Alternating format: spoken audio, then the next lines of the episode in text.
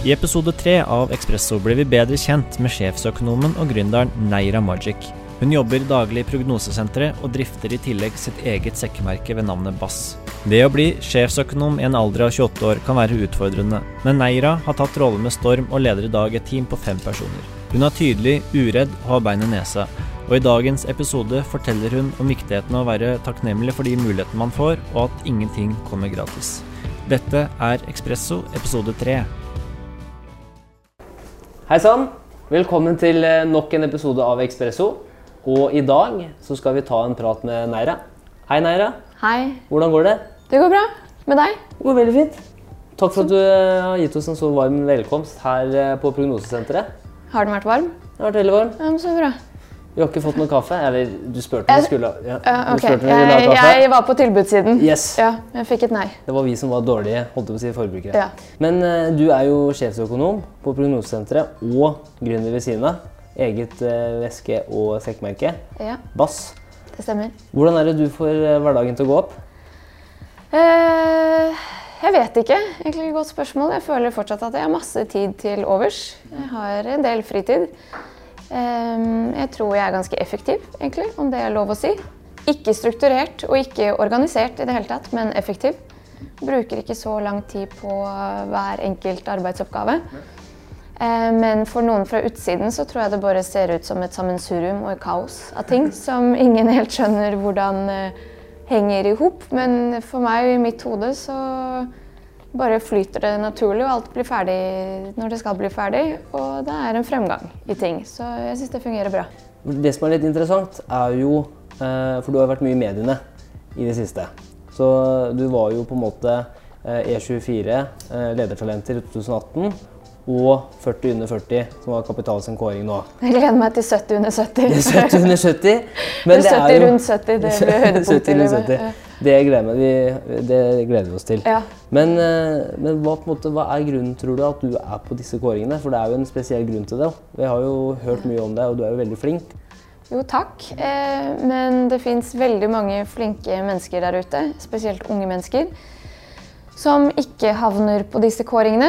Eh, og det tror jeg nok skyldes media. Eh, nettopp det at jeg har vært en del i media, har, det er jo en, en enkel og fin måte å få oppmerksomhet på.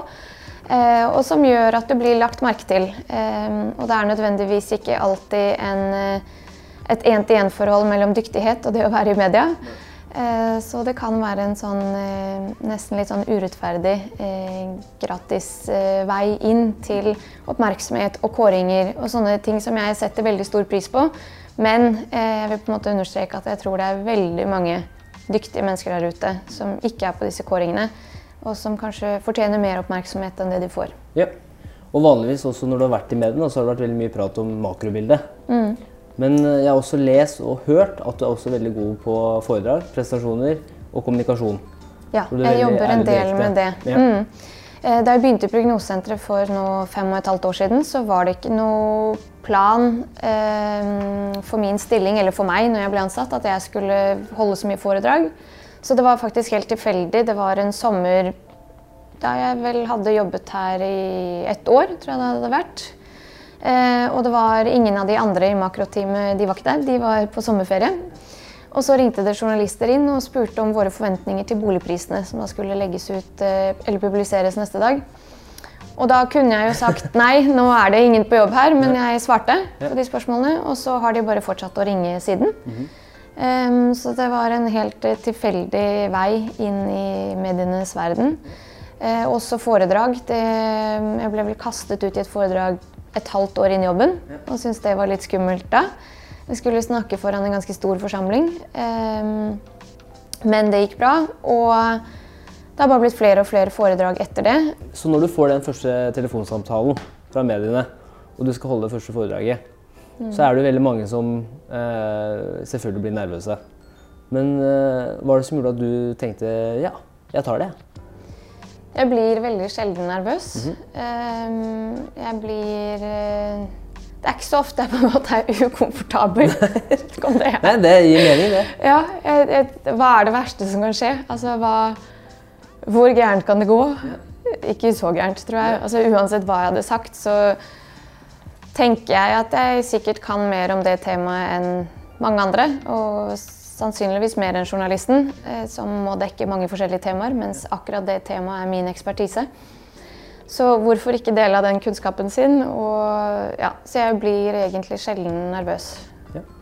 Jeg møter også veldig mange på som, som eh, har utfordringer med å tenke sånn. Også, det er også litt i forhold til at hva er det verste som kan skje. Mm. Men folk tenker jo også som regel hva er det verste som kan skje? Men hva er egentlig det verste som kan skje? Ikke sant? Altså, Du kan drite deg ut, og hva så? Det er fort glemt. Folk driter seg ut hele tiden. Du ja. er ikke den eneste som driter deg ut. Nei. Det er altfor mye i, å lese om i avisa og høre om på radioen. Det er ingen som husker om jeg driter meg ut. Nei. Og sånn tenker jeg. Yep. Når du begynte på studiene, og gjennom oppveksten, for jeg vet, du vet jo også at når, når, familien din kom fra Bosnia, hvordan vil du si oppveksten har vært med å på en måte forme deg hele veien fram til når du begynte å studere på UiO i 2009? Og, og hvordan på en måte Det er et langt spekter, selvfølgelig. Mm. Men hvis det er noen spesifikke hendelser som du mener har vært viktige for deg? da? Jeg har jo blitt veldig formet av at eh, vi kom til Norge som flyktninger.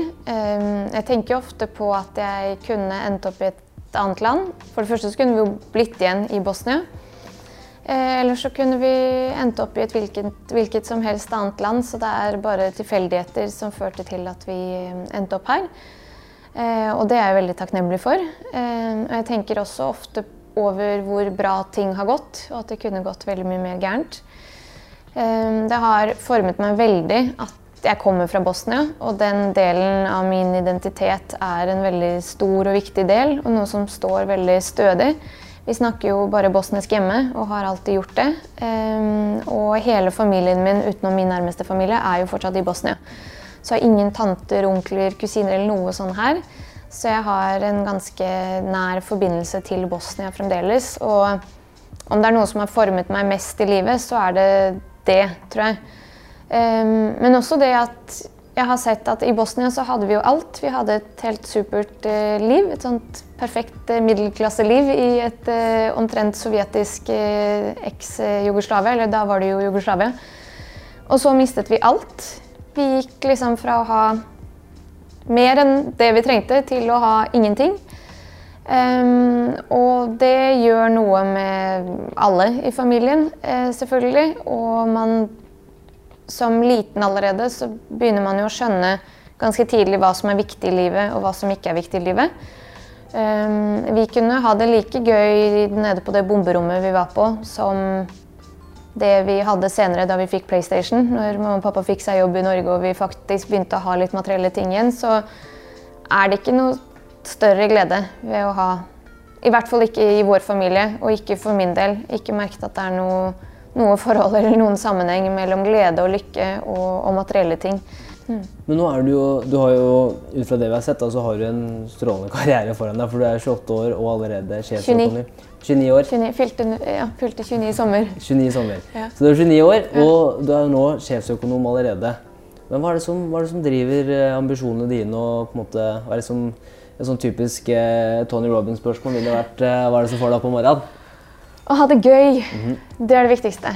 Jeg må ha det gøy. Yep. Hvis jeg ikke har det gøy, så er det ikke noe mening med noe som helst. Så jeg elsker jobben min. Jeg har det kjempegøy.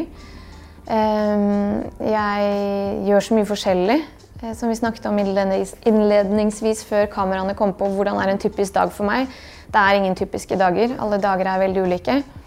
Jeg er så heldig at jeg får møte masse forskjellige mennesker. Både gjennom møter og foredrag og podcaster og intervjuer. og og forskjellige ting. Og også her internt i prognosesenteret så har jeg helt fantastiske kollegaer. Og miljøet er helt fenomenalt. Det er veldig høy trivsel.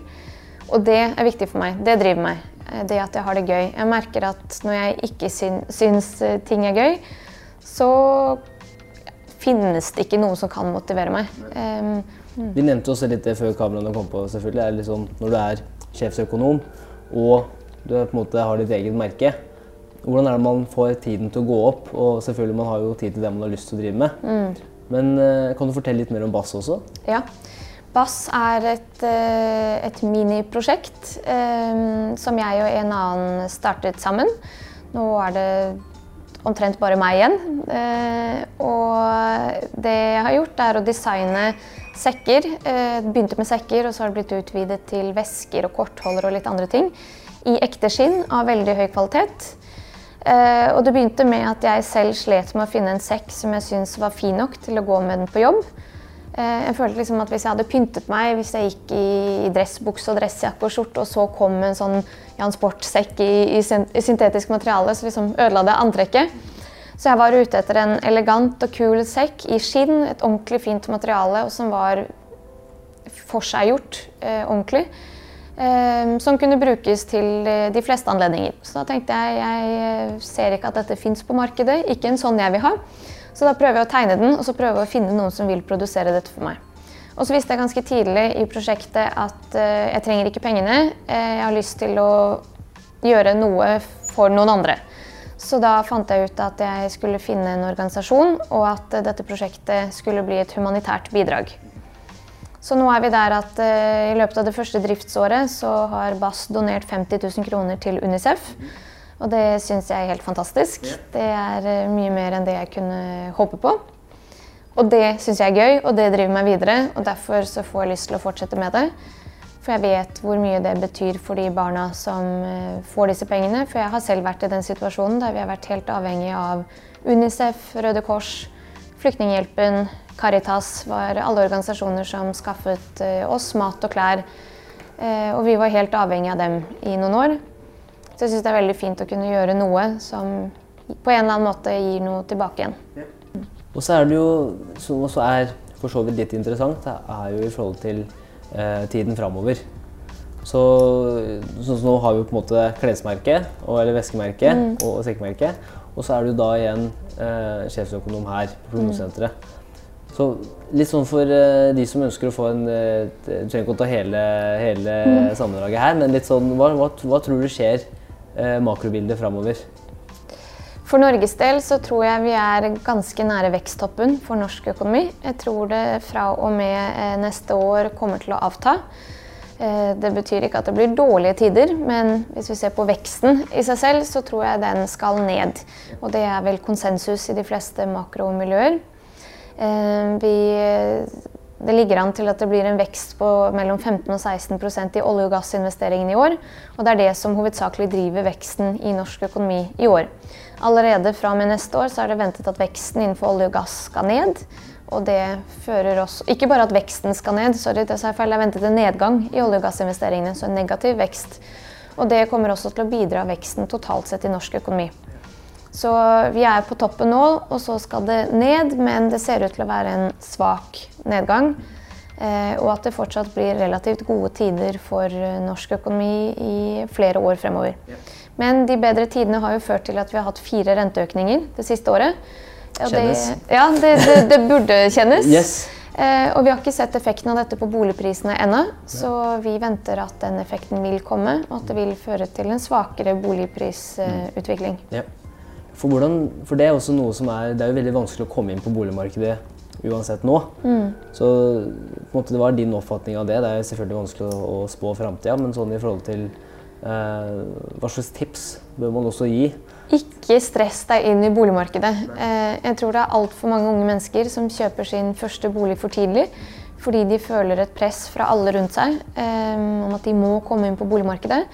Og vi vet at unge mennesker flytter mye oftere enn eh, eldre mennesker. Og kjøper du en selveier, så må du ut med en dokumentavgift i staten på 2,5% Og vi ser at det er de unge som i størst grad sponser staten med dokumentavgift. Eh, og en meglernæring som også Du må betale for en megler hver gang du skal flytte. Og det er ikke hensiktsmessig å kjøpe en bolig hvis du skal bo der et år. Og mest sannsynlig ikke hvis du skal bo der to år heller. Du må ha et perspektiv på minst tre år for at bare disse transaksjonskostnadene skal gå opp i opp. Så jeg vil egentlig råde folk til å ha litt is i magen og heller spare opp nok penger til å kjøpe deg en bolig du kan bo i en viss periode. Ikke kjøp et kott på 14 kvadrat bare fordi du føler du må inn i boligmarkedet. Og hvis du vet at det er en leilighet du ikke kommer til å holde ut i mer enn et år, så gir ikke det for meg noen mening. Så jeg kunne egentlig bare bidra, eller ønske jeg kunne bidra til å lette presset, spesielt på unge mennesker. Og dere kommer dere inn i boligmarkedet til slutt, eh, og det er bedre å spare litt lenger. Eh, og ha litt høyere eh, egenkapital når man går inn, sånn at man også er litt mer sikker dersom boligprisene skulle falle. Og det fins andre ting å investere i. Eh, det å kjøpe aksjer i et selskap bidrar jo til at noen blir sysselsatt, at det skjer en produksjon. Det er jo aktiv kapital, eh, og jeg er helt for at mennesker skal eie boligen de bor i. Eh, vi har en eierskapsmodell i Norge som har sørget for at 80 eier boligen de bor i, og det er helt fantastisk. Men det må jo være mulig å ha flere tanker i hodet samtidig, og også plassere kapital i noe annet som ikke er like dødt som bolig. Som faktisk kan bidra til at det skapes arbeidsplasser. Og så jeg vil gjerne oppfordre unge mennesker til å spa, definitivt spare penger. Jeg syns ikke det er noe, men også bruke penger, sånn at hjulene i økonomien holdes i gang. Eh, men ikke være redd for å kjøpe fond eller aksjer eller utvide perspektivet litt. Bolig er ikke den eneste investeringen som finnes i verden eller i Norge. Det har vært en veldig god investering historisk. Eh, det trenger ikke å bety at det i fremtiden kommer til å være sånn. Eh, og jeg tror nok at den sterkeste boligprisveksten er tilbakelagt, og at det fremover på lang sikt vil være en langt mer moderat boligprisutvikling enn det det har vært de siste 10-15 årene. Kunne, vi kunne snakke om dette om en evighet, for jeg syns det er veldig spennende. Ja. Men jeg merker jo at er, økonomi er noe du syns er kjempegøy. Ja. Og forbilder. For det er jo litt sånn i Selvfølgelig Formålet med, med videoserien vår er jo Vi ønsker å legge til rette for på en måte, hva skal man si, en ny epoke med sunnere forbilder enn de som kanskje får litt mye oppmerksomhet i mediene i dag. Mm. Eh, og hvem har vært store forbilder, eller viktige forbilder for deg både når du på en måte vokste opp, men også i dag, hvis man kan kalle det forbilder? Å, dette er vanskelig. vanskelig. Dette syns jeg kanskje er det vanskeligste spørsmålet. Eh, det eneste ærlige og sanne svaret på det er veldig klisjé, men det er sant. Det er mamma og pappa. Det er mine største forbilder. Eh, jeg vet ikke om noen andre som på en måte har inspirert meg og motivert meg så mye. Å se hvor sterke de har vært gjennom helt vanvittig mye motgang i livet. Men det har liksom aldri knukket dem. De bare fortsetter og fortsetter og fortsetter. Hvorfor det? Det vet jeg ikke. Nei. Men jeg tror det er en iboende medfødt kanskje egenskap de begge har. Eller nettopp det at de har opplevd eh, mye vanskelig. At da vekkes det en, kanskje en sånn dyrisk overlevelsesmekanisme i deg som, eh, som, de også har overført eh, delvis til oss barna. Men jeg, jeg, blir veldig motivert av å se hva de har oppnådd. Eh, hvordan de som sagt hadde alt, mistet alt, var helt på bunn og har klart å komme seg opp igjen. Og jobbet nå i Norge i mange år? De fikk vel fast jobb i 1996. Så en god del år uten å være borte fra jobben, uten å være syke, uten å fra utsiden så ser det jo ut som det ikke bærer preg av noe av det som har skjedd. Så det er en sånn styrke der som jeg ser ekstremt opp til, og som motiverer meg veldig. Så jeg håper jeg kan være bare en liten andel av det de er, så er jeg superfornøyd. Ehm, men utenom dem så er det jo Jeg vet ikke, det er mennesker her og der som du møter som du kanskje har en samtale med en gang, men så blir du motivert og inspirert, og så Underbevisst så bærer du med deg det de har fortalt deg i lang tid fremover, uten at du kanskje husker dem. Jeg tror jeg opplever en del sånne ting. At eh, visse mennesker jeg møter, preger meg veldig. Eh, det er ting de sier, ting de har opplevd som jeg føler jeg kan lære mye av. Uten at nødvendigvis de som person er et forbilde for meg, men jeg plukker mye her og der fra mennesker jeg møter. Men uh, når du ikke jobber uh, her eller med bass, eller spiller fotball, mm. eller kobler av. Hva gjør du når du faktisk Eller forresten, hva gjør du når du kobler av? Eh, veldig mye Egentlig mye idrett og sport, uten at jeg ser på meg selv som en sånn veldig sporty person. Men jeg er veldig glad i ballsport, så tennis eh, elsker jeg å spille. Jeg er en hedonist, vil jeg si, egentlig. Hvis, selv om jeg kanskje prøver å virke nøktern, og litt sånn, så er jeg glad i å kose meg. Yep. Og det er veldig viktig for meg å kose meg. Og å reise, det er noe av det beste jeg vet. Så hvis jeg hadde fått en stor pott med penger nå, så er jeg ganske sikker på at jeg hadde brukt alt på å reise. Ja. For å legge på en klisjé-tid, man lever bare én gang. Ja, så det er jo det er viktig å kose seg. Det er tidenes eh, største og mest riktige klisjé. Mm. Syns du yngre burde reise mer? Eller syns du de burde jobbe hardere? For det er også noe man sant, Den der Mm. balansen mellom eh, hardt arbeid og på en måte fleksibilitet og frihet og på en måte kunne være litt mer impulsiv. Syns du Veldig yngre vanskelig å svare på. Mm. alle må bare gjøre det som funker best for dem. Og du kan jo ikke hele tiden bare gjøre det du har lyst til. Eh, da jeg studerte på Blindern i fem år, så hadde jeg daglig lyst til å reise bort til et varmt sted istedenfor å sitte på den lesesalen og spise knekkebrød og eventuelt knaske på en gulrot. Så hadde jeg ganske mye mer lyst til å ligge på en strand et eller annet sted i Sørøst-Asia og bare cruise rundt og ha det bra. Men eh, man må jo til tider gjøre ting som ikke er så gøy. Fordi eh, det blir gøy etter hvert. Du må oppnå et par mål, og så må du jobbe deg oppover. Fordi det rett og slett ikke er mulig å ha det gøy hele tiden. Så det, jeg syns det kanskje er noen som forventer Jeg innledet jo med å si at det viktigste for meg er å ha det gøy, men iblant så må du ha det litt drit for å komme dit. Eh, så man skal ikke undervurdere viktigheten av hardt arbeid, og at man må være litt seriøs iblant. Så unge mennesker må få lov til å gjøre det de vil, men øh, de må også bidra til samfunnet og ha en forståelse for at den pensjonen de forventer en dag, den kommer ikke av seg selv. Eh, de må bidra til å betale skatt, og vi må stå i arbeid alle sammen for at dette fellesskapet skal fungere. Så ingenting som kommer gratis. Og det funker ikke hvis alle skal være backpackere hele tiden. For det er jo den, det er, den balansen mellom å tenke langsiktig og faktisk jobbe hardt her og nå. da. Mm. men nå som. Man skal er ikke slite seg ut heller. Nei. For jeg har en plan om å vare. Yes. Jeg skal vare i mange år. Et maraton. Ja, Ja. Det, her er, det her er ikke noe kortsiktig løp jeg kjører, så jeg tenker på det ganske ofte. At uh, jeg kjører ikke meg selv for hardt.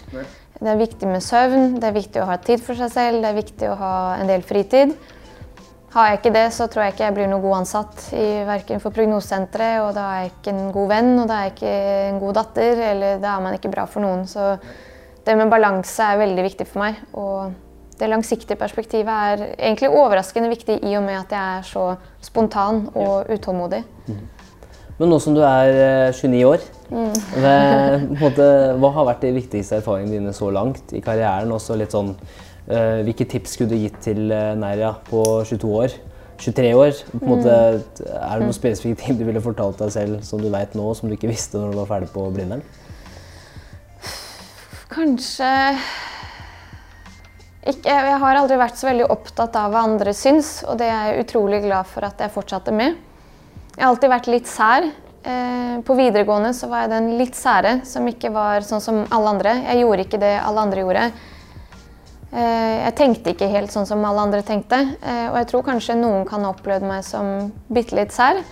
Men jeg er veldig glad for at jeg var sånn, egentlig. Og også gjennom studiene så har jeg vært meg selv hele tiden. eh, og vært ærlig, eh, både mot meg selv og mot andre. Og selv om andre kanskje iblant kan oppfatte meg som litt vel direkte, eller noen oppfatter det kanskje til og med som arroganse. Jeg vet ikke, men for meg så er det det jeg ville fortalt Neira på 22 år. Vær deg selv, og ikke bry deg så mye om hva andre syns. Eh, bry deg om det du selv er viktig. Og jeg er jo som sagt ikke strukturert og ikke organisert. Jeg har fått høre opp gjennom livet at alle vellykkede mennesker er veldig strukturerte og veldig organiserte. Det er bare tull. Det er løgn. Jeg kjenner mange mennesker som får, ting, får til ting i livet uten å være helt A4 og ha alt på stell. Så jeg ville sagt til 22 år gamle Neira at det går helt fint at du ikke har ting på stell. Det ordner seg. Det, det ordner seg alltid. Det går bra. Så jeg ville egentlig ikke gjort noe annerledes. Nei. Det syns jeg er et veldig bra råd. Ja. Og eh, jeg håper også at dere som har, eh, har fulgt med på episoden i dag, at dere også har lært like mye som det jeg og Jon har gjort. Og jeg syns det er kjempekult er litt hva du har, i forhold til hva du har lært fra foreldrene dine også. Det med å på en måte alltid ha motet oppe og på en måte gripe dagen for det det er verdt. da. Ikke gi seg. Uh, men samtidig også klare å nyte livet her og nå. Mm. Var godt oppsummert. Godt oppsummert. Det syns jeg var veldig godt Yes. oppsummert. Ja. Og uh, samtidig er det viktig å ha det gøy. Veldig viktig. Yes. Så Neira, tusen takk for praten. Takk skal du ha. Og så gleder vi oss til å se deg på fotballbanen og på Tryvann. Jeg òg. Herlig.